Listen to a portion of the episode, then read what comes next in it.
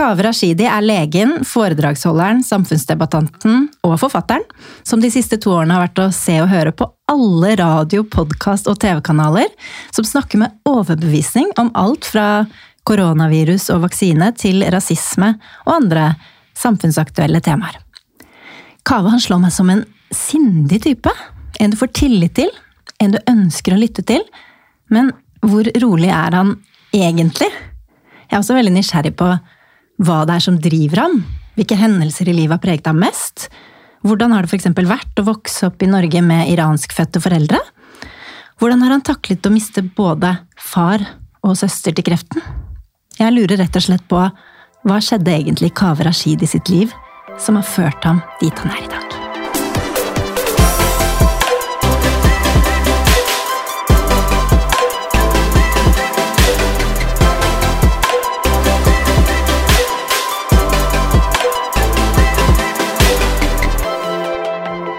Hjertelig velkommen! Tusen takk. Så hyggelig å ha deg. Det er Hyggelig å være her. Jeg lurer også på, på som, hvorfor jeg er her i dag. Jeg lurer på om vi får et svar på det. Ja, har du noen gang tenkt over disse tingene selv? Ja, men jeg har ikke troen på at det er så lett å vite sånne ting. Jeg, jeg føler ofte vi kan lage forklaringsmodeller på hvorfor ting som skjedde, skjedde. Og, eller, eller andre veien prøve å forklare hvordan vi kan få til en fremtid sånn som vi ønsker. Og så tror jeg kanskje vi at, at vi alle har litt mindre makt enn det vi egentlig tror at vi har. At noen ganger så bare blir ting sånn som de er av seg sjøl. Det preger deg jo ofte, da, det du opplever, på, en, på sett og vis. Det gjør det. Men så lurer jeg på, hadde det vært, hadde det vært veldig forskjellig, da? Hvis jeg hadde vært oppvokst i Iran, da, si det. Hvis foreldrene mine ikke hadde flykta. Hvis jeg ikke hadde mistet familiemedlemmer. Kanskje hadde jeg vært en samfunnsdebattant i Iran, hvem vet? Hvem vet? Men det skal vi kanskje finne litt ut av i dag. Mm. Men først og fremst, hvordan har du det om dagen? Litt stressende om dagen. Det er mye sånn, det er jobb og barnerelaterte greier som er mye for en som Bare sånn småbarnspappating. Eh, men det tror jeg ikke egentlig ikke er lov å klage over, fordi det er sånn alle har, og det er veldig frivillig og um, Ja, det fins nesten ikke noen arena hvor det er greit å sutre sånn altfor mye over. Men det er helt sånn basic småbarnspappa-greier. Stå opp klokka seks hver morgen. Mye styr med klær og mat og alt det praktiske for å få en unge til å gå gjennom dagen. på en måte. Hvor gammel er sønnen din Albert nå? Snart halvannet. Så det er veldig mye energi, veldig mye glede og lykke og behov for omsorg og kos 24-7. Og så Ja, det er litt heftig. Både sånn praktisk og emosjonelt og alt. Det er heftig å ha en liten unge. For du har jo full timeplan, og du jobber til daglig som bydels, assisterende bydelsoverlege i Sankthanshaugen bydel i Oslo. Ja. Hvordan er det? Det er veldig sånn administrativt. Altså veldig ulikt legehverdagen min ellers. i Hele karrieren, som bare har vært mer pasientrelatert. Um, nå når pandemien går mot slutten, jeg tillater meg å si det, at vi liksom så å si er ferdige nå, så er det ganske mye mer behagelig. Men det har vært et halvannet år med helt vanvittige mengder med kriser og kaos og ja, hver gang et eller annet har skjedd, så har det skjedd ti ganger mer intenst inni innafor lukkede dører, holdt jeg på å si, med både vaksinering og smittevern. Mm. Så du har jo uttalt deg mye om dette i media også. Ja. Um, ja, jeg har jo det. Men samtidig føler jeg at jeg bare sier Jeg er et ansikt å legge veldig sånn grunnleggende smittevernsregelting på. Jeg sier jo ikke noe sånn heidundandres komplisert eller nyvinnende. Føler... Det er vel det jeg nevnte innledningsvis, at man får en sånn slags tillit til deg. Da. Det er sikkert derfor mediene spør, fordi man, man ønsker å lytte til deg, på en måte. Det føles trygt. Så bra. Ja, det er fint hvis det er tilfellet, og så må jeg prøve å ikke misbruke den makta og plutselig begynne å si veldig dumme ting. Det gjør du helt sikkert ikke. Men vi får se. Jeg... Har du opplevd det? At du har vært i media og forsnakket deg, eller fått lite. angst etterpå? Fordi, altså angst i hermetegn fordi du har sagt noe som du føler er dumt? Eller enda verre, at jeg har sagt noe som jeg ikke engang skjønner er dumt. Og så viser det seg etterpå at det var veldig dumt. Jeg hadde en podkastepisode hvor jeg snakka om autisme, f.eks. Og da snakka jeg, uten egentlig å tenke så mye om det, eh, og benevnte autisme som en sykdom. Og da fikk jeg veldig mange uh, sure foreldre og uh, personer generelt som poengterte at autisme ikke er en sykdom, det er en tilstand. Um, og det ble veldig veldig mye styr ut av det, og så var det jo ikke vondt ment, og jeg er jo helt enig i at man bør betegne det som en tilstand, ikke en sykdom. Men det er litt sånn at når man har Når man kommer over et visst antall følgere, eller lyttere um, Ja, for du har 40 000 følgere nesten på Instagram, og 30 000 på Twitter, eller noe sånt? Ja, og så er det disse her forskjellige plattformene som mange ser på. Så det skal så lite til. Er man med i ja, disse her klassiske TV-tingene, da, sånn Alle mot alle quiz-program, Firestjerners middag, og så sier man et eller annet. Det skal så lite til for at Se og Hør ringer to dager etterpå, vil vite mer om noe. Mm. Um, så sånn sett så er jeg litt mer obs på hva jeg sier. Men jeg tror ikke jeg har driti meg ut sånn skikkelig noen ganger. For jeg tror ikke jeg egentlig har så mye vondt i meg. Så hvis jeg først driter meg ut, så så, så, kan det nesten ikke være fordi jeg er et grusomt menneske, for jeg tror ikke jeg er det. Jeg har ikke inntrykk av det. Men jeg tror heller det bare kan være at noen ganger så forsnakker man seg, men det er bare kjipt å forsnakke seg eh, live på TV. Ja, jeg kjenner til den. Men sånt skjer. Jo, det er jo litt av det man må stå i da, som offentlig person. Og du har jo ikke mm. vært det så veldig lenge, altså så kjent som du er nå. Hvordan syns du det er? Jeg oppfatter ikke meg selv som så kjent. Du er ganske kjent nå. Jeg vet ikke hva, hva, på en måte den, hva som er uh, måleparameteret på at man er kjent, men Nei, Jeg vet ikke helt. Jeg bare oppfatter deg som en som er relativt kjent nå. Ja. Det, ingen anelse. Jeg, jeg tenker ikke på det fra dag til dag. I det hele tatt. Du er bare den samme gutten fra Ulven yeah. og Ullern, som vi skal komme tilbake til. Mm. Du, Jeg har en spalte i podkasten som heter Wikipedia. Mm. Der går jeg gjennom gjestens Wikipedia-side. Ja. Er du klar? Jeg er klar. Kaveh Rashidi, født 19.07.1988 i Elverum, er en norsk lege, skribent og foredragsholder bosatt i Oslo. Kaveh studerte medisin ved Universitetet i Oslo, og avla medisinsk embetseksamen i 2012, 23 år gammel. Han er lege i allmennmedisinsk spesialisering og jobber som fastlege i Oslo og assisterende bydelsoverlege i bydel Sankthanshaugen. Rashidi er styremedlem i Amathea. Han har siden 2017 vært medlem av faggruppen for medisinsk uforklarte plager og symptomer, som er underlagt Norsk faggruppe for allmennmedisin. Han ble samme året invitert inn i Helsedirektoratets råd for utredning og behandling av CFS, eller ME. Han er også dosent ved Universitetet i Oslo. Han har vært prosjektleder i Kreftforeningen og assisterende medisinsk redaktør i Tidsskrift for Den norske legeforening. Kave er fast spaltist i Aftenpostens A-magasinet. Han er også fast skribent i Tidsskrift for Den norske legeforening, der han skriver i spalten Legelivet. Han sitter i ekspertpanelet på Helsekontrollen på TV 2, og var en av bidragsyterne til dokumentaren Koronadagbøkene på TV 2, der helsepersonell filmet seg selv og sine opplevelser da koronaviruspandemien kom til Norge. Han har også siden mars 2020 vært en del av trekløveret bak podkasten God bedring fra NRK, sammen med Cecilie Ramona Kåss Furuseth og psykolog Peder Kjøs. Hva var det du så for deg at du ville bli da du var liten? Hvor liten da? Tja Den alderen man begynner å tenke på sånt? Jeg kan ikke huske egentlig å ha hatt noen sånne kon konkrete 'dette skal jeg bli'-tanker, altså. Um, men jeg har ikke det nå heller. Det er ikke sånn jeg kan si hva jeg gjør om fem år. Um, jeg er ikke så veldig opptatt av det heller, for jeg tror ikke det er så veldig lett å planlegge Jeg tror ikke det er veldig lurt å planlegge altfor mye. Ting har en tendens til å gå den veien det går uansett. Uh, eller Det er så mye uforutsett som kommer til å skje i livet mitt. Så jeg syns ikke det er så lett og eller klokt for meg å si sånn ja, om fem år så har jeg lyst til å ha en sånn og sånn stilling i et sånt sted. Jeg var ikke sånn som barn heller, at jeg var sånn åh, jeg må bli lege, eller jeg må bli astronaut eller brannmann. Jeg har ikke hatt det der. Jeg har ikke noen sånn det, hø det, høres litt sånn trist ut å ikke ha noen sånn ambisjon om noe man skal bli, men jeg er mer opptatt av å gjøre ting som er betydningsfulle til enhver tid, heller enn å tenke at jeg skal jobbe for å nå et eller annet. Fordi hvis jeg jobber mot mot å nå et eller annet, så kommer jeg kanskje til å nå det, og da blir jeg bare skuffa, for da er ikke det så big deal som jeg trodde. Så jeg er liksom litt ferdig med å prøve å jage etter neste store greie, eller neste prosjekt som skal bety så mye og gjøre meg lykkelig. Jeg tenker liksom Den veien jeg går nå Nå er jeg fremme. Nå skal jeg bare ha det fint, og så tar jeg de oppturene og nedturene og hva enn som dukker opp. Hvis du skal ta oss litt, tilbake da, til eh, 1988, Mm. på Ulven. Der vokser du opp. Ja, 1988, dere, da var det Trysil, faktisk. da var det Trysil, ja. Mm. Det var der foreldrene mine ble sendt etter at de kom til Norge. For å lære norsk og uh, over, få, sånn, få utdannelsene sine over til norsk og sånne ting. For de flyktet til Norge i da 1984 Ja. og kom til Trysil. Mm. Hvordan har det preget deg å ha iranskfødte foreldre som flyktet til Norge? Akkurat. Da jeg var så liten, så merka jeg nok ikke noe særlig til det.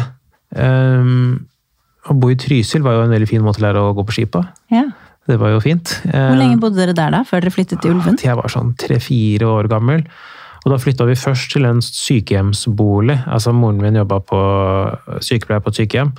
Så da bodde vi i en sånn helt nedslitt, gammel rønne på Nå er det jo hipt på Grünerløkka, men da var det liksom ikke innlagt vann på Grünerløkka. Og så derifra så kjøpte foreldrene mine sitt første hjem ja, det må jo være sånn rundt 94-ish. 92-94-ish. Og da var det på Ulven. Ulven nå også har jo blitt et veldig fint sted, etablert familieområde, men på den tida så var det ganske nedslitt, Mm. rett og slett. Og mye sånn ungdomskriminalitet og sånne ting. Men selv da så følte jeg Jeg, jeg tror mange innvandrere har en Eller barn av innvandrere har en historie av sånn fremmedskap og sånn, men jeg hadde ikke så veldig sterk følelse av det. Vi hadde det fint innad i vår familie. Og så har vi definitivt hatt veldig veldig mye mindre av den norske kulturen enn en vanlig norsk familie. Jeg så aldri på barne-TV, ikke i barnehage, for den saks skyld. Um, men det betydde ikke så veldig mye for meg. Det plukka jeg opp på seinere i livet. Mm. Jeg tror ikke det på en måte satte noen store begrensninger. Følte du deg annerledes noen gang da? Ikke som følge av etnisiteten eller hudfargen eller nasjonaliteten eller noe sånt. Um, jeg kan ikke Mer på grunn av andre ting da, eller? jeg, jeg, hadde, jeg var ikke sånn type som hadde masse venner. Jeg holdt på veldig mye med mine egne sære små prosjekter. Som hva da? Og det kunne være hva som helst. Jeg var veldig, veldig, veldig tidlig veldig opptatt av sjakk og matematikk. Og jeg var veldig sånn Ting som absolutt ikke 7-8-9-åringer syns ellers er gøy. Og så var jeg veldig dårlig til det alle andre 7-8-åringer 9-åringer syns er gøy, sånn fotball og eh, så, så jeg ble veldig ofte meg og pappa, for eksempel, som tilbrakte mye tid sammen, da. Um, men ja, jeg følte ikke nødvendigvis et utenforskap. Jeg bare var ikke så Jeg tror ikke aldri jeg var så sosial som barn heller. Um, hadde litt sånn flyktige venner. Jeg har ikke noen venner igjen nå, eksempel fra barneskole. Heller ikke jo, én venn som jeg liksom har nær kontakt med fra ungdomsskole. Um, det var liksom ikke Det var ikke liksom av nasjonaliteten eller noe sånt. For da vi bodde på Ullern, så var det jo veldig mange med innvandrerbakgrunn. Ullern er da et sted i Oslo. Nei, sorry, Ulven. Uh, Ja, først bodde dere på Ulven, som da er på østkanten i Oslo. Så Ja. flyttet dere senere til Ullern, som er på vestkanten i Oslo. ja, og det var liksom dag og natt. Ja, På hvilken måte da? Nei, på østkanten i Oslo så var det jo masse altså Det var så dårlig miljø og rus og Det var bare slåsskamper i skolegården hver dag mellom folk. og Det var liksom et skikkelig røft og kjipt miljø. Mm. Og Det var derfor foreldrene mine ville flytte også, for de syntes liksom ikke det var så greit å ha meg i det. Så da, da jeg var sånn tolv år gammel, så flytta vi til Ullern. Og Der var jeg vel den eneste i klassen som ikke var lys i huden. Ja. Jeg hørte av en kompis etterpå at eh, før jeg begynte, så hadde læreren kommet inn og sagt at det kommer til å begynne en litt spesiell gutt. Uten egentlig å spesifisere hva som var spesielt ved meg. Men det, var, det var, eh, var så kulturelt forskjellig, for der hadde folk mobiler, eksempel. Dette var da i 2001. Eh, De drakk rusbrus på fest. Jeg hadde aldri hørt om, eller hadde noe kjennskap til det. Eh, Alt var bare helt, helt annerledes sånt- i et sånt fint strøk, da. Hvordan syns du det var da? Nei, det førte jo bare til at jeg ikke fikk så mange venner. For jeg, var, jeg levde jo i min egen boble. Jeg hadde jo ikke noe til felles med de. Eh, ingen felles kulturelle rammer. Bare sånn type fritidsaktiviteter man gjør. På Oslo vest så er det veldig mye veldig dyre fritidsaktiviteter som foreldrene mine aldri hadde starta meg i. Eh, Det vil si, jeg spilte jeg, jeg, jeg hadde jo mine Det er ikke nødvendigvis at det er dyrt heller, det er bare helt andre ting folk bryr seg om. Jeg spilte hockey, for eksempel, da jeg vokste opp. Men på Oslo vest så spilte man, eller i hvert fall i det miljøet, bandy. Ja. Og det var jo helt, Jeg hadde aldri, jeg, jeg visste ikke hva bandy var for noe. Jeg visste jo ikke at det liksom var en greie. Ble aldri med på det. Og så forsvant liksom hockey, hobbyen vekk. Jeg spilte amerikansk fotball på Oslo øst. Det fantes jo ikke på Ullern. Men du spilte piano, gjorde du ikke det? Jo. Det gjorde man vel på Ullern òg? Ikke noen Ikke som en sånn sosial greie. Hvor god er du i dag? Nei, ikke så god nå lenger. Jeg var god før jeg fikk unge, så spilte jeg en del. Jeg har hørt at du er bedre enn det du øh, tør å innrømme. Men det spørs hva man måler seg opp mot. Um, Hvem veldig- måler du deg opp mot, da? Jeg måler meg opp mot personer som spiller piano minst tre ganger i uken i voksen alder. Alle de er bedre enn meg. Skjønner. Mm. Du er kledelig beskjeden. Ja, nei, men, nei, men det, noen ganger så får man sånn For jeg har spilt piano på sånne ymse TV-greier. Eh, Sånn type jeg var på en kveld hos Kloppen. Mm. Eh, Og da sa jeg liksom i researchpraten før at piano er kleint, jeg har ikke lyst til å være han fyren. Og så var jeg der, og så spurte Solveig om jeg kunne spille piano, og så spilte jeg, og så blir det liksom klippa til et helt sånn flott solostykke. Sånn, men Men det er jo fordi du er god, Gave. Ja, jeg, for tiden så går det veldig mye i Bjørnen sover. Bæ, bæ, lille lam har jeg blitt ganske god på. Det, det er jo det det går i når man har kid. Han har jo ikke tålmodighet til å høre på klassisk, han er ikke noe interessert i klassisk musikk. Men det må jo være en gave å kunne spille så bra. Ja um, Kanskje det er det. Jeg, vet, jeg, vet, jeg, jeg tenker ikke over det. Det er, litt, det er bare en sånn ting jeg kan. Um, men det krever veldig mye øvelse å holde seg god i det. Det er kanskje hovedproblemet med piano eller andre vanskelige som sjakk også. Jeg var jo veldig god før. Mm. Og så har jeg ikke så mye tid, Nei. og da dabber mye av det bort. Så ender det opp med både med liksom piano og sjakk og alt mulig at jeg har mye glede av det for meg selv, men jeg kunne aldri brukt det til noe særlig. Det er bare sånn jeg syns det er stas, og jeg gleder meg til å være en pappa som kan lære barna mine det. Og det både høres og ser litt flott ut, da. Syns jeg. Ja, men hvem, hvem er det det høres og ser Jeg jeg er ikke så opptatt av at andre skal synes det høres og ser flott ut. Jeg skjønner at ikke du er opptatt av det, men jeg syns det høres flott ut. Ja, takk. Vær så god. Men du, du begynner på legestudiene i en alder av 18 år bare. 17. 17, faktisk. Mm, jeg kom inn da jeg var 17 år. Var du da en av de yngste som har kommet inn noensinne, tror du? I Oslo så sikkert.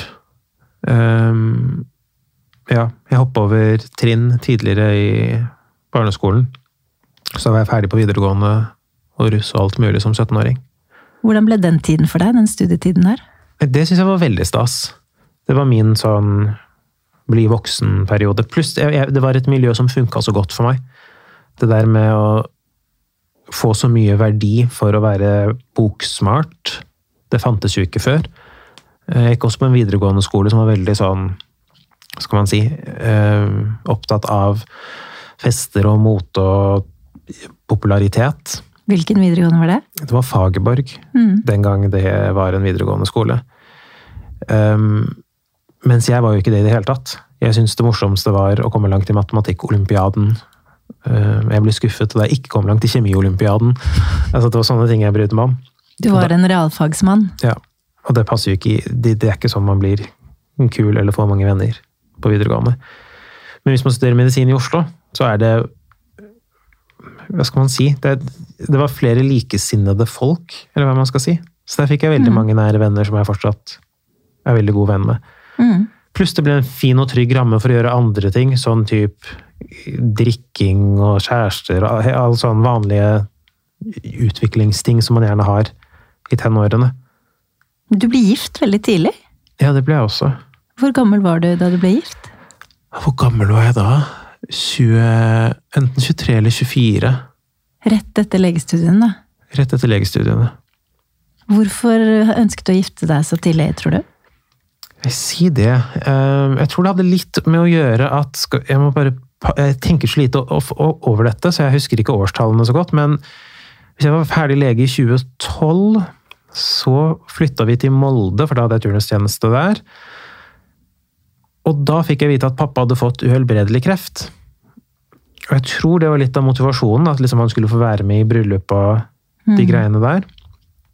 Men så eh, døde han så fort. Han hadde bare diagnosen i tre måneder. Å ja. uh, og så gifta vi oss etter det.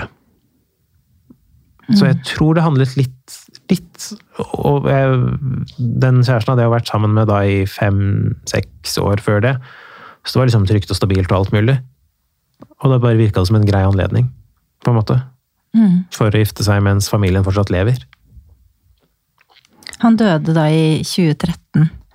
Fikk diagnosen i 2012, var det det du sa? Nei, 2013 det også, faktisk. Mm. Han fikk vel ikke en kreftdiagnosen før mai 2013, døde i august 2013. Ja. Hvordan var den opplevelsen? Hvordan vil du beskrive det å få vite at han har kreft? Jeg, jeg tror jeg er veldig god til å sperre ute ting som har skjedd. Så jeg har ikke en sånn voldsom hukommelse fra det. Jeg husker da jeg fikk vite det, at jeg var på jobb. Av en eller annen grunn så var det på Bærum sykehus, men jeg klarer ikke helt å få kronologien der til å stemme. Men jeg sto på akuttmottaket på Bærum sykehus, husker jeg. Og da sa bare kollegaen min bare 'gå hjem'. Og så var jeg veldig mye hjemme hos pappa den tida. Han snakka ikke så mye om sykdommen. Eh, Men han ble veldig fort veldig nedsatt. Og så husker jeg litt sånn ymse fine ting. Sånn type han lærte meg å skifte dekk på bilen og litt sånne ting. Mm. Hadde noen gode samtaler. Og så husker jeg noen sånn mer rene syk, sykdomsting som jeg alltid sikkert kommer til å huske, fordi eh, når man blir dødelig kreftsyk, så blir man jo så veldig visuelt syk. Altså, man ser jo helt forferdelig ut. Eh, Og det er jo litt kjedelig at man husker jo gjerne det i ettertid. Så jeg husker så godt hvordan pappa så ut da han var veldig, veldig, veldig syk. En ganske sånn rund, lubben mann til vanlig, som liksom var helt avmagra på tre måneder. Mm. Hva gjorde det med deg den perioden, tror du? Jeg, jeg tror jeg var ekstremt mye nedfor den perioden, uten egentlig å innse det sjøl. At jeg bare var veldig deppa. Eh, Og det var jo da søstera mi også fikk eh, tilbakefall av kreft i samme periode. Ja. Um, det, var, det var bare sånn generelt mørkt. Jeg, var, jeg hadde det dårlig. Um, og da gikk det jo ikke lang tid før det der sto på, også samtidig etter at pappa gikk bort, så fikk søstera mi beskjed om at kreften hennes var uhelbredelig. For hun hadde først fått beskjed om at hun hadde kreft, så ble hun bedre. Mm. Og så, Så kom det hun- tilbake. Ja. Det var derfor vi flytta tilbake fra Molde. Det var sånn det var, og hun som fikk tilbakefall i oktober 2012. Da flytta vi tilbake, og så fikk pappa beskjeden i mai 2013. Um, og det der gikk, sto jo på som bare det. Men søstera mi eh, var jo veldig ung og veldig fysisk sprek. Ehm, så hennes forløp ble mye mer liksom eh, Det tok flere år da før hun, hennes kropp ikke tålte mer, sammenlignet med pappa som var 60 år gammel og hadde en mer alvorlig kreftform også, for så vidt. For du har to søstre. Ja. Og den andre søsteren din, hun mm. Som du sier, det tok eh, lengre tid for henne, men i 2016 Mm. så dør hun også. Mm. Um, uh, hvordan var det? Det, det, var- det, det var Igjen, det er en sånn mørk periode som jeg ikke husker så mye av. Fordi det var sommeren 2016, og i februar 2016 så ble det jo slutt med meg og da daværende kjæreste. Um, så man har de greiene der også oppå det hele. Så det var bare en veldig, veldig, veldig kjip periode. Uh, Nedfor og deppa kontinuerlig. Mm. Ja. Hvordan gikk det med jobb underveis? Hadde du jobb hele veien? Eller tok du noen pauser eller bare, permisjoner? bare noen uker med pauser, i så fall. Knapt det. Eh, Det er bare sånn jeg ofte pleier å mestre ting. Jeg jobber meg mye gjennom ting. Ja. Akkurat da så tror jeg jeg tok veldig mye, kjørte veldig mye legevakt. Som er en veldig sånn Det er en type jobb som er veldig lite langsiktig. For du bare møter pasienten der og da, fikser et problem der og da, er veldig inni det i øyeblikket. Og så drar du hjem, og så har du ikke noen ansvar for de pasientene etterpå. Um, så det funka jo ganske godt for meg da, Mm. i den perioden.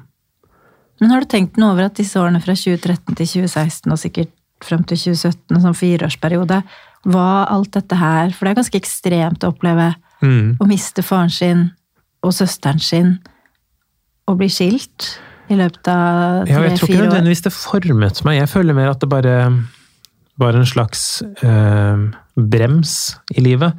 kanskje spesielt det forholdet jeg var i, som burde ha vært et bedre forhold, som hadde gitt meg mer øh, For man, når man går gjennom de to Så dødsfallene er jo i særklasse forferdelige ting. Så trenger man ofte folk rundt seg som har eh, omsorgen eller kapasiteten til å ta vare på deg når du har det veldig tungt. da. Og jeg hadde jo da ikke de vanlige folka som jeg ellers hadde hatt, familien min. For de var jo opptatt med seg sjøl. Og det var vel sikkert den første ordentlige utfordringen jeg og daværende kjæreste hadde. Mm. Vi var jo unge og friske og spreke og sånn. Mm. Og når det heller ikke går, så blir man litt bare Alt bare settes på brems. Det kan godt hende at jeg hadde vært en helt annen person hvis ikke de tingene hadde skjedd, men jeg føler ikke at de har formet meg så veldig. Jeg bare føler egentlig at de har øh, ødelagt veldig mye. På hvilken måte da? Nei, jeg tror jeg hadde hatt mye mer ro i sjelen hvis ikke de tingene hadde skjedd. Jeg hadde vært mye mer tilfreds.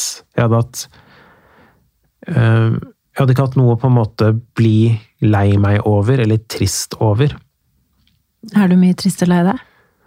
Mindre og mindre for hvert år som går. Men sånn ordentlig veldig, veldig, veldig lei meg for at de har gått bort.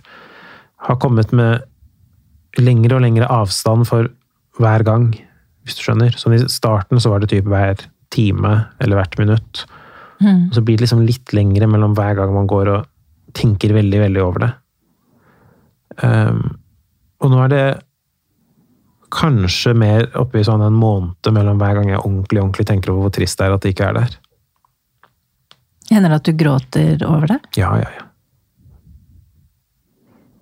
Altså, det er jo ikke så lenge siden, egentlig.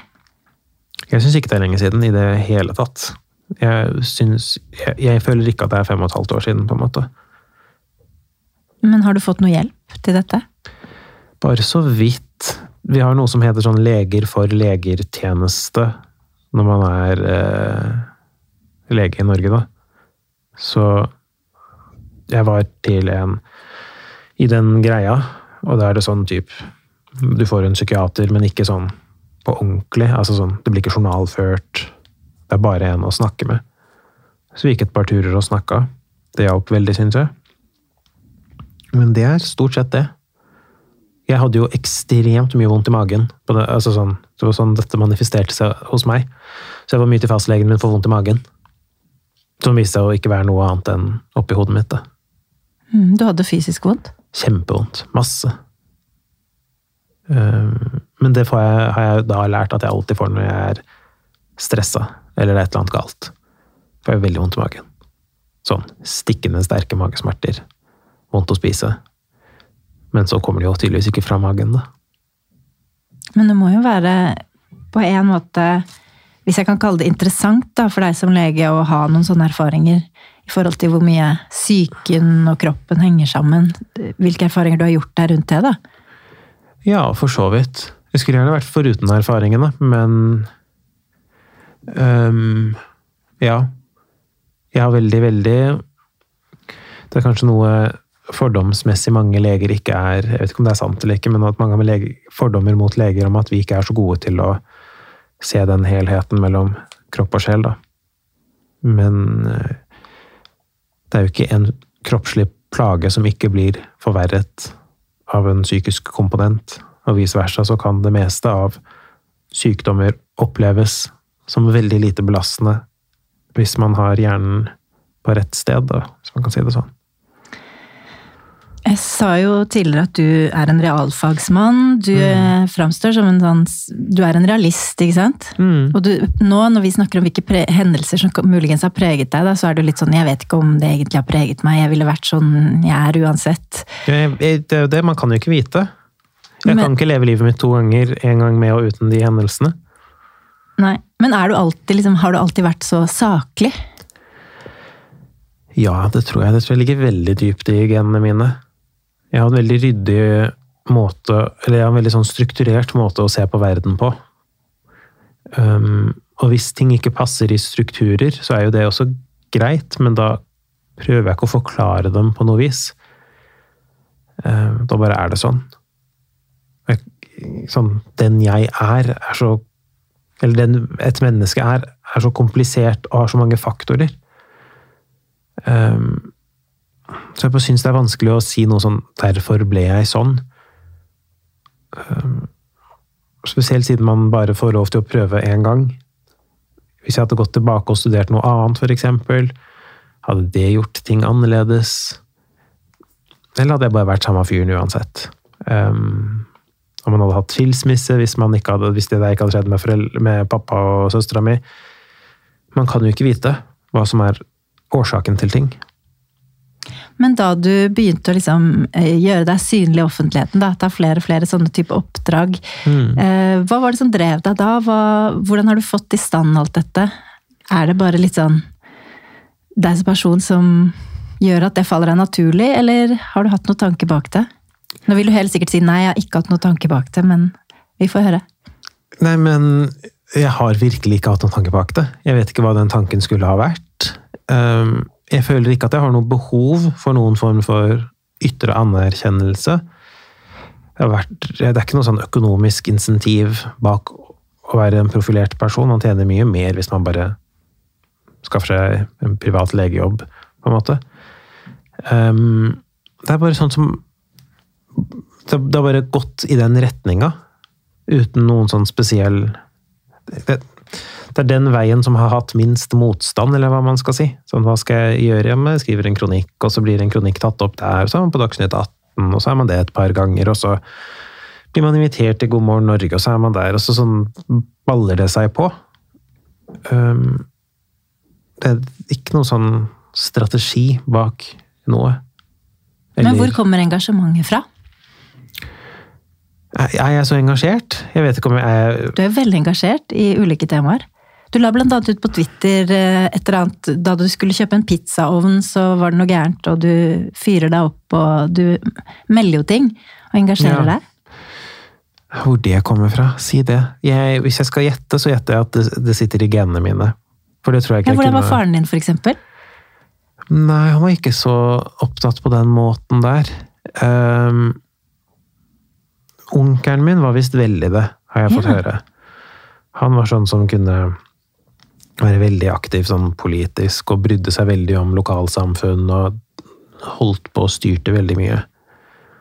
Um, men jeg tror det er mer uh, jeg, jeg, tror ikke det er miljø nødvendigvis. Jeg, foreldre, jeg vet at foreldrene mine ikke har dytta meg i noen sånn retning. Og jeg er jo heller ikke spesielt utadvendt av natur. Det er ikke sånn at jeg Jeg vil helst ikke gjøre ting som veldig mange folk i den bransjen har lyst til å gjøre. da. Sånn type når jeg blir invitert til Vixen Awards fordi jeg har blitt nominert til et Det er ikke snakk om at jeg skal på det. Det faller meg ikke inn i ett sekund å gå på en sånn kjendisfest. Ja, akkurat det er kanskje ikke helt din arena, uten at jeg kjenner deg så godt, men Nei, det er ikke det i det hele tatt.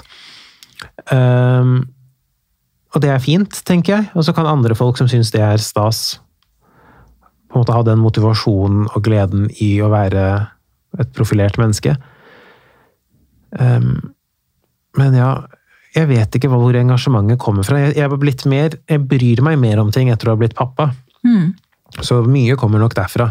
Så jeg bryr meg om klima på en helt annen måte, fordi nå er det jo ungen min som kommer til å merke problemene. Og i hvert fall barnebarna mine. Jeg bryr meg mye mer om likestilling, for jeg har ikke lyst til at barna mine skal leve i et så ekstremt I en veldig urettferdig verden. Så det er en, det nærmeste jeg har en ekte motivasjon for ting. Mm. Du sier barna dine. Tror dere dere kommer til å få flere barn? Jeg har lyst på flere barn. Mm. Ja, ja, ja. Selvfølgelig. Holdt jeg på å si. Vi har lyst på flere barn. Det er jo ikke selvfølgelig for alle. Ja, det er ikke det. Men for oss er det det. Vi har veldig lyst på flere barn, ja. Men du blir far til Albert da i 2020. Mm. Mm. Og uh, da har du jo mistet faren din ikke så veldig lenge før. Uh, I hvert fall ja, uten at jeg er så god på hoderegning, syv år tidligere. Mm. Uh, hvordan var det når du ble pappa selv? Kom det veldig tilbake til deg da, eller? Ikke sånn umiddelbart. Det, det som egentlig mest i forhold til mine egne foreldre, var bare å tenke at alt det der har de gjort for meg. Ja. Det syns jeg var rart å tenke på. Fordi det er så sinnssykt mye følelser, og det er så mye greier, og det er så slitsomt, og det er så mye bekymringer og våkenheter og Det er bare rart å tenke at mine foreldre gjorde alt det for meg. Og så ble jeg 17 år gammel, flytta ut og tenkte egentlig ikke på dem så mye mer i 5, 6, 7, 8, 9 år. Nei. Bare litt, det der syns jeg var litt rart. Og så syns jeg det var litt et, et veldig hyggelig steg i livet vårt var jo da vi kjøpte et hus og flytta. Fikk en egen hage, og Albert begynte liksom å bli et litt større barn som For når de er babyer, så er det jo bare sove, spise, bæsje. Det er ingenting annet. Så de er på en måte litt sånn ikke-mennesker, bare søte greier som man duller med. Mm. Men nå har han jo liksom fått personlighet, han har begynt å gå og leke og bryr seg om forskjellige ting. Og nå ligner han veldig på pappa, syns jeg, sånn fysisk. Ja, er det litt fint? Ja, det, det er det jeg syns er litt trist, da.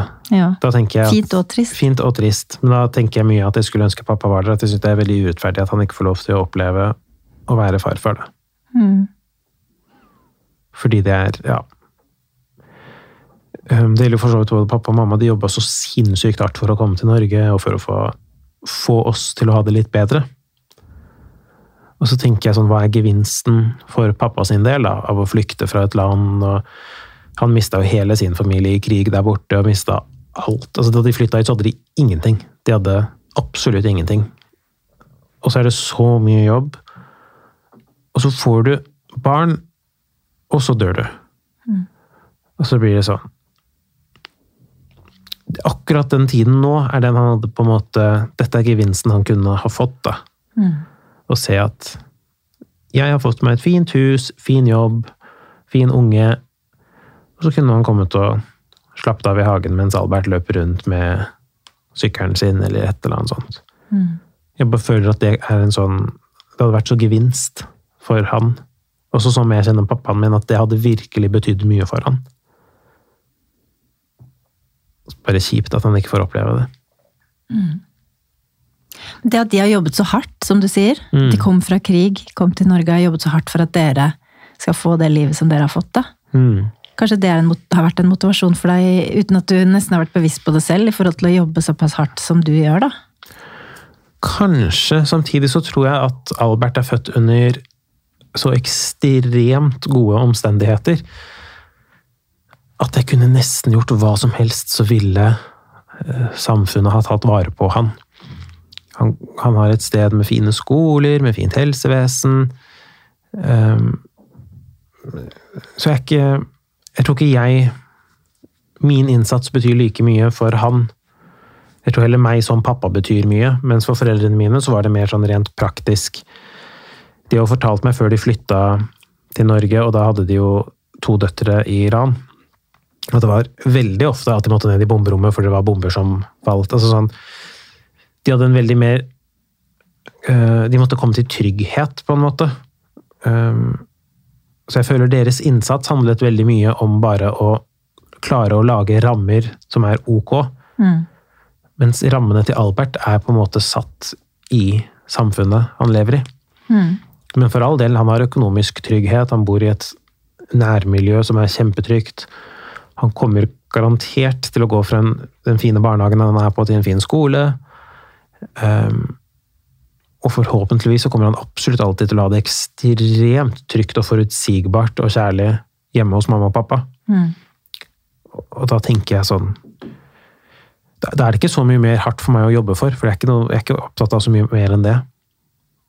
Men jeg har hørt at du, eh, du sier at du ikke var så sosial, men at etter hvert på videregående og etter hvert i studietiden, så ble du ganske sosial og var litt sånn festens midtpunkt. Det har jeg hørt. Har du hørt det? Ja, det kan godt hende. Jeg, har ikke opplevd meg selv nødvendigvis som det, men kanskje med nære venner så kan jeg være mye mer utadvendt. Ehm, og lyst til å ta plass. Mm, det kan godt hende. Det, det, det har jeg egentlig ikke tenkt på, men jeg kan se for meg at venner kunne ha beskrevet meg mer som det, og at jeg inni meg selv ikke opplever meg selv like mye som det.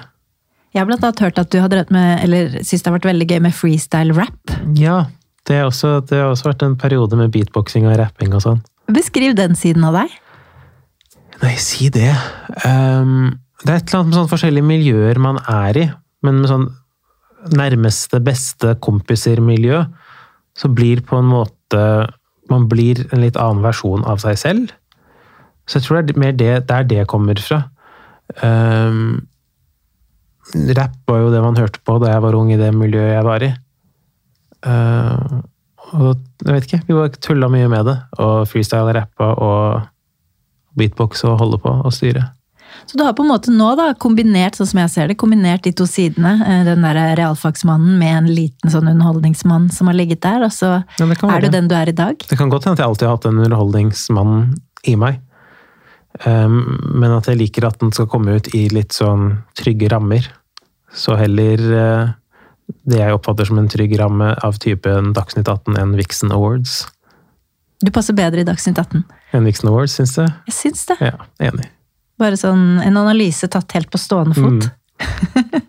Enig. Men du, eh, du har snakket mye om dette å bli far, og nå skal du gi ut barnebok. Mm. Fortell litt om den, da. Nei, jeg har jo prøvd å gi ut voksenbok, og det var gøy. Et par ganger. Ja, og det er gøy, og det er morsomt å prøve å nå ut til folk, men greia er at de jeg når ut til, er de som allerede er enige med meg, stort sett. Ja.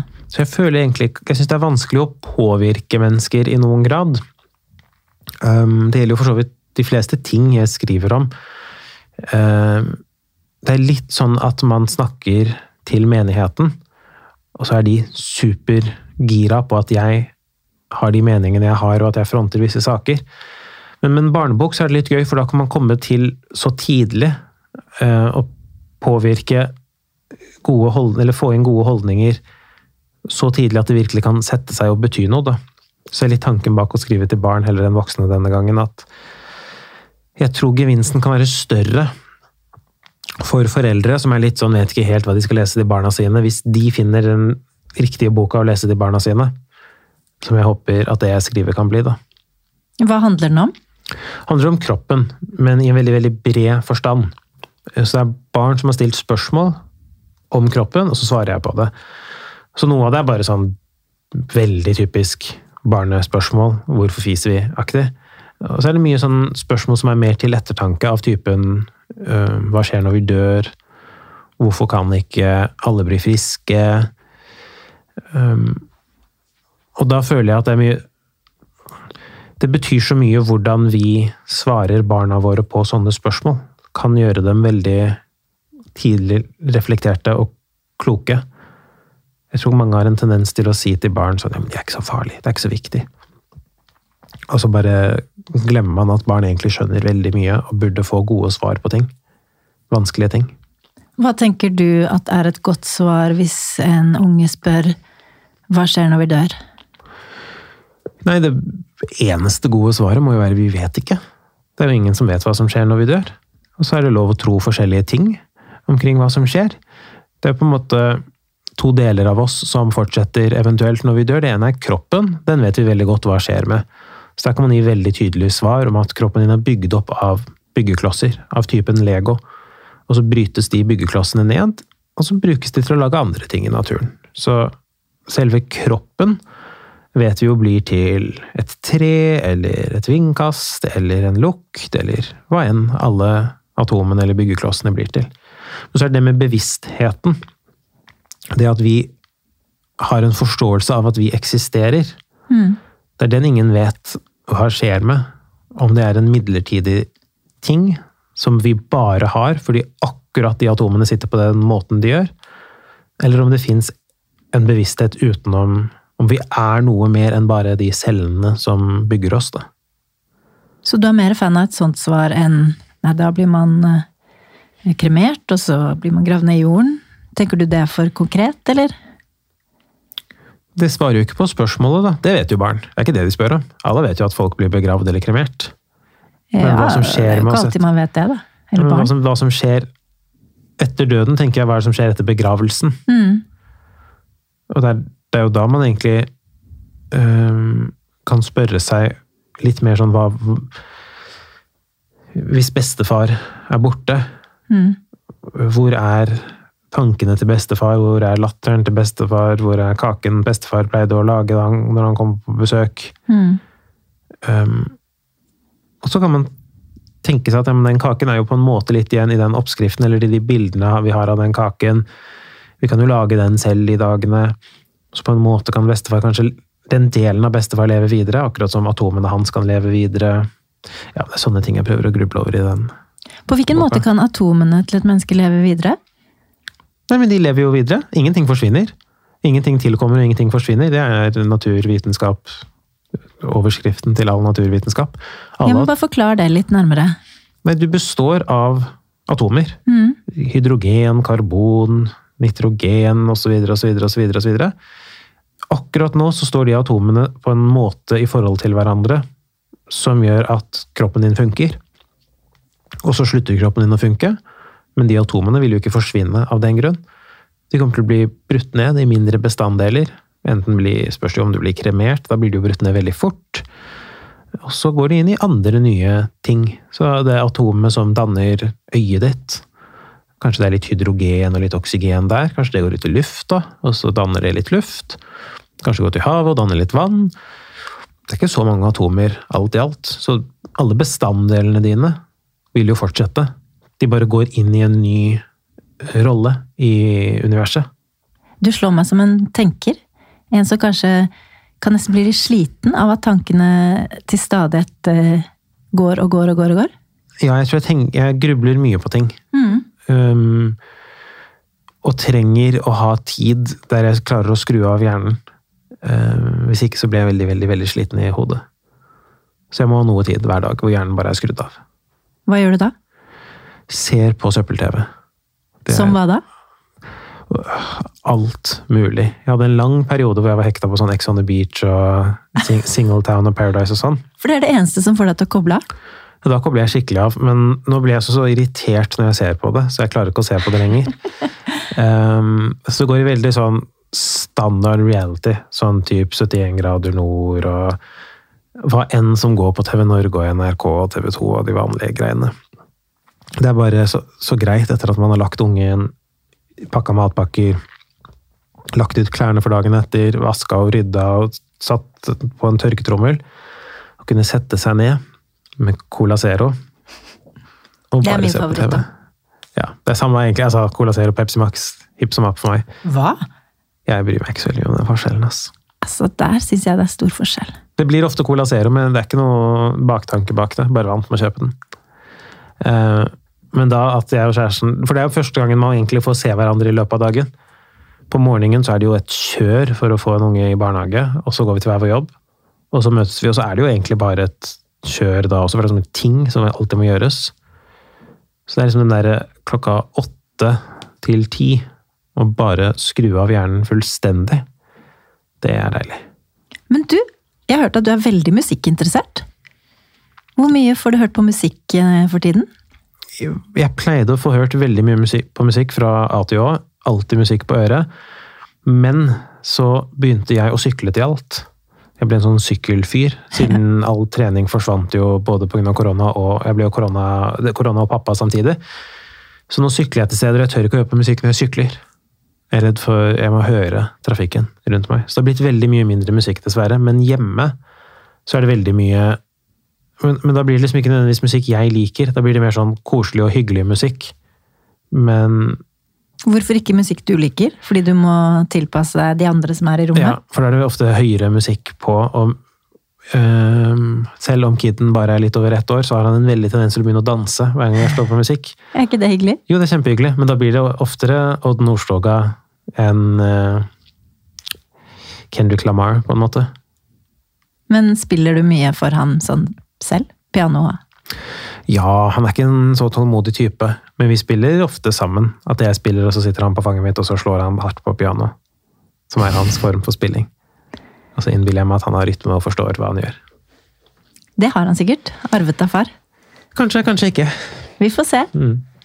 Men sånn avslutningsvis. Eh, Aina, din kjære, Mm. møtte du jo etter da du hadde blitt skilt og Mm. mistet din søster. Mm. hvor viktig ble hun i den fasen? Det var samme året du møtte henne, var det ikke det? Ja, hun mm, var jo bestevennen til søstera mi. Hun var det? Mm, så vi hang jo veldig mye um, i den siste fasen, uh, da søstera mi var veldig syk. Uh, vi var veldig ofte der, hos søstera mi, da. I hvert fall hun. Jeg var ikke der like mye som henne. Og så skulle søstera mi til Spania på sommeren 2016.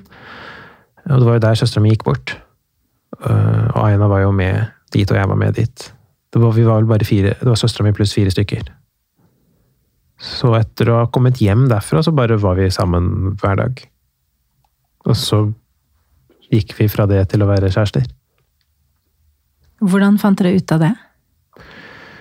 Jeg tror ikke vi fant ut av det. Vi har ikke hatt den, vi har ikke hatt den der 'er vi kjærester nå'-samtalen ennå. Vi bare er det. Vi er, pleier man å finne ut av det? Jo, men altså, Det er jo litt forskjell mm, på å være venner og kjærester, mener jeg. Ja. Nei. Det bare føles naturlig, eller føltes naturlig, å være sammen. Og det føltes ikke naturlig å ikke være sammen. Så da har vi vært sammen hver dag siden. Det blir kanskje feil å si at det hørtes veldig romantisk ut, for det er jo veldig triste omstendigheter, men noe veldig fint med det hele også. Ja, men det er litt sånn Nå skal du få se akkurat hvordan hjernen min funker, i hvert fall. Fordi jeg tenker ofte i sånn eh, poeng på hvor mye en ting er verdt. La oss si at det å få en helt perfekt kjæreste og mamma til sønn og alt mulig er verdt 10 000 poeng i livet. Og det er veldig, veldig, veldig, veldig, veldig mange poeng, og jeg er kjempeglad for det. Men det å miste søstera si er fortsatt minus en trilliard poeng, så det hjelper ingenting. Um, jeg, absolutt alt annet jeg har i livet, sånn alt kunne jeg gitt bort for å ha søstera mi tilbake. Det er ikke noe, jeg, jeg kunne veldig godt ha drept meg selv bare for at søstera mi skulle fått leve. Ja. Hvordan snakker du, Aina? Hvordan, hvordan, hvor mye snakker dere om søsteren din? Ikke så veldig mye. Jeg blir så lei meg når jeg snakker om det. Og henne blir også lei seg. Det var hennes bestevenn. Så nei. Det er veldig hyggelig å ha Aina, men um, Å ha mista søsteren er ikke Det er liksom ikke i samme kategori som å ha en perfekt kjæreste i livet. Nei. Men det var allikevel fint at du fant deg nå. Definitivt. Jeg kan ikke si at jeg var et veldig um, Jeg var ikke en fest av et menneske i tiden etter at søstera mi gikk bort heller. Um, og på en måte så er det nesten litt fint å bli sammen med en person som kjenner de verste sidene av deg først. Og så kan hun heller bli kjent med de hyggelige sidene av meg etterpå. Heller enn å starte på en fest, og så kommer livet som ofte har oppturer og nedturer. Og så må man håndtere de nedturene sammen som man ikke har vært vant med tidligere. Eh, jeg tenker nesten det er en styrke, da, at man har håndtert Eller det er jo det, det er en styrke å ha håndtert nedturer sammen og klart å komme seg gjennom det. Jeg har faktisk glemt å spørre deg hva søsteren din het. Mitra. Mitra. Mm. Tenker du ofte på henne når du er på jobb, eksempel? Hva ja, slags type var relativt ofte. Um, hun var tusen ganger mer ambisiøs enn meg. Hun var jo veldig ung overlege i plastikkkirurgi på Rikshospitalet. Og jobbet med å operere leppe-ganespalter til barn. Hva skal jeg snakke om? Skjønner, jeg setter veldig stor pris på at du deler.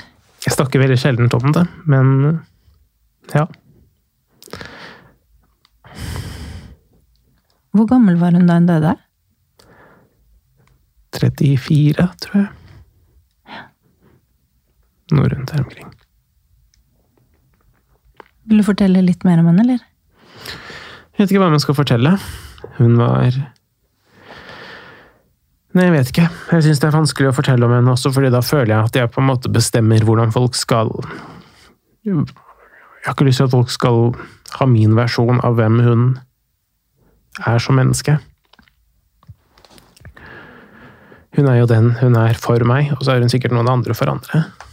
Mm. Og så blir det uansett det blir sånn teit å si sånn Å, hun var veldig sånn og sånn, og hun var veldig morsom. Det blir så Jeg skjønner det. Jeg bare syns det blir um, å ta en veldig liten del av noen, da. Men jeg har veldig lyst til å høre, nå som jeg føler jeg er blitt litt kjent med henne og deg, i hvert fall. Nei, Jeg vet ikke hvordan skal man beskrive henne. Um, hun var veldig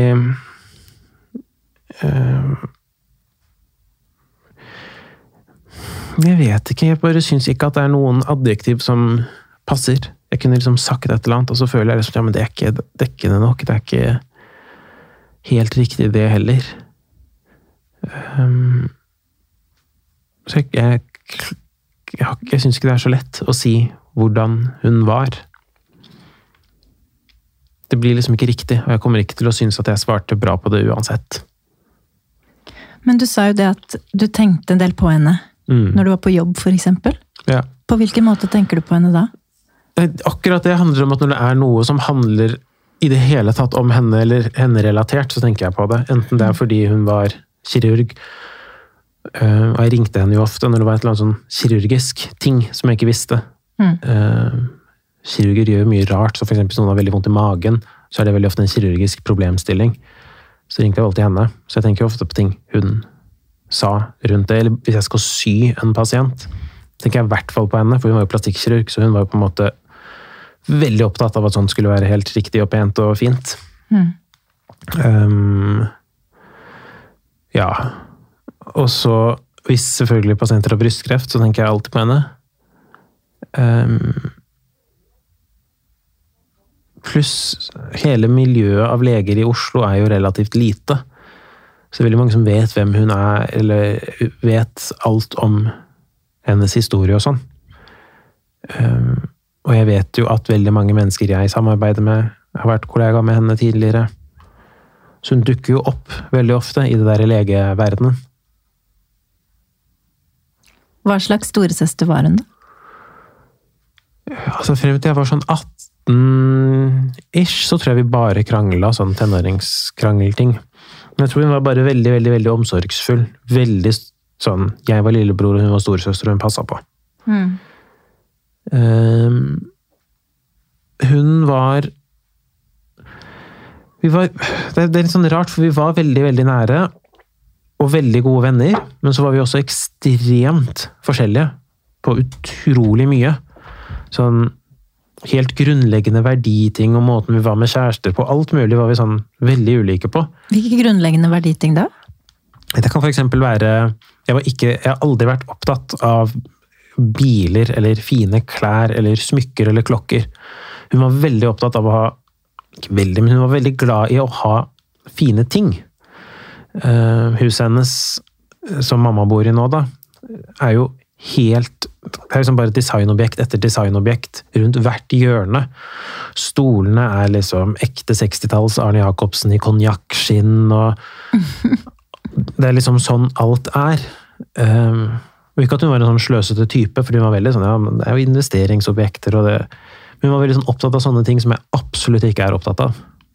Uh, hos meg går det vel Jeg liksom forstår den teoretiske verdien av det, men det går bare i Ikea, stort sett, om dagen. Samme bil. Jeg kan kjøre hva som helst. Bryr meg ingenting.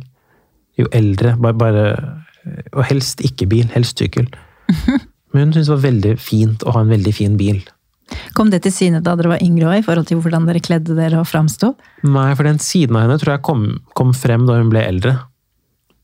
Og så er det veldig sånn typisk fordomsriktig for en plastikkirurg, det er ikke minst. Ja, hun jobba bare minst. i offentlig sykehus, hun jobba jo ikke privat, så hun var ikke sånn av typen smellrike kirurger som bare opererer Ikke bare skjønnhetskirurg, hvis man kan kalle det. Nei da. Hun drev jo også med brystoperasjoner, men da hos brystkreftpasienter, ikke kosmetisk eh, Men ja, det er jo kosmetisk det også, men ikke på grunn av Hva skal man si Hun opererte sykepupper, da, hvis man kan si det sånn. Mm.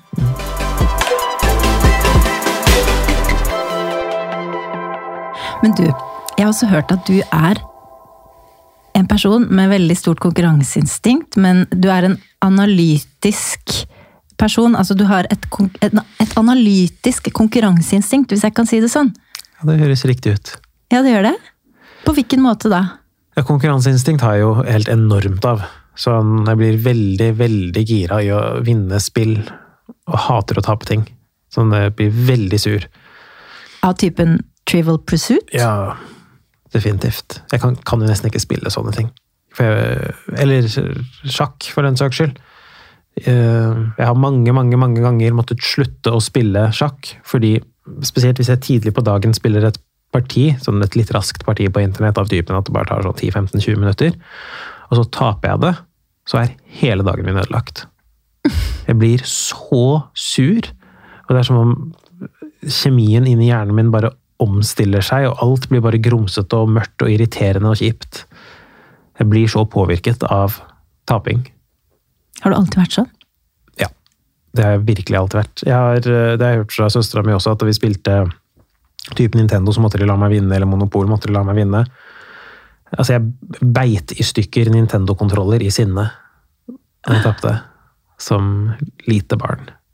Skikkelig dårlig taper av natur. Så jeg må bare ikke utsette meg selv for situasjoner hvor jeg kan tape, eller så må jeg klare å si til meg sjøl at dette handler ikke om å vinne, dette handler om noe annet. Sånn som når jeg er med på sånn quiz-program og sånn på TV, og vet jeg kommer til å tape. Sånn typ en episode av Alle mot alle, så var det meg og Jonas Bergland mot øh, blant annet han Knut Nærum. Og han kan jo alt. Ja. Så vi tapte jo, så det sang. Men da visste jeg på forhånd at dette her handler ikke om å ha flest riktige svar. Det handler om at jeg skal ha det gøy med kompisen min og svare på ting. Og når jeg da klarer å oppnå det, så er jeg fornøyd. ja, så du klarer det? Nei, ja, for da oppnår jeg målet mitt. Men hvis jeg, hvis jeg virkelig hadde prøvd å slå Knut, og i hvert fall hvis jeg hadde trodd at jeg var en verdig motstander, at jeg burde ha fortjent å slå Knut, og så ikke hadde vunnet, da hadde jeg blitt sur. Det er kanskje ikke så rart du får til ting da, når du har det konkurranseinstinktet som du har? Nei, kanskje ikke. Kanskje det er eh, Kanskje jeg er litt revet av det.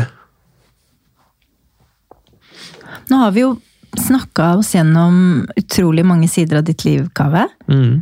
Og målet var jo på en måte å finne litt ut av hva skjedde egentlig i ditt liv som har ført deg dit du er i dag. Føler du at du har kommet noe nærmere et slags svar? Jeg gjør ikke det. Gjør du? Er du blitt klokere? Du er blitt klokere på hvem jeg er, men å kunne forklare hvorfor man er som Jeg, vet ikke hvordan jeg engang er, så å kunne forklare hvordan, hvorfor jeg er som jeg er Det er liksom ikke en kunst jeg mestrer. Det er ikke en kunst jeg mestrer heller, egentlig. Eh, Men jeg, jeg har jo i hvert fall fått blitt uh, mye bedre kjent med deg, da. Ja, Og det har vært veldig hyggelig. veldig hyggelig å være her. Og så tror jeg kanskje det er en sånn livslang reise. Det med å skjønne hvorfor man er som man er, og hvorfor man har blitt som man har blitt. Mm. Um, at det er stadig ny selvinnsikt og kunnskap som dukker opp.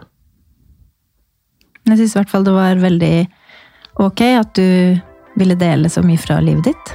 Tusen takk. Bare hyggelig.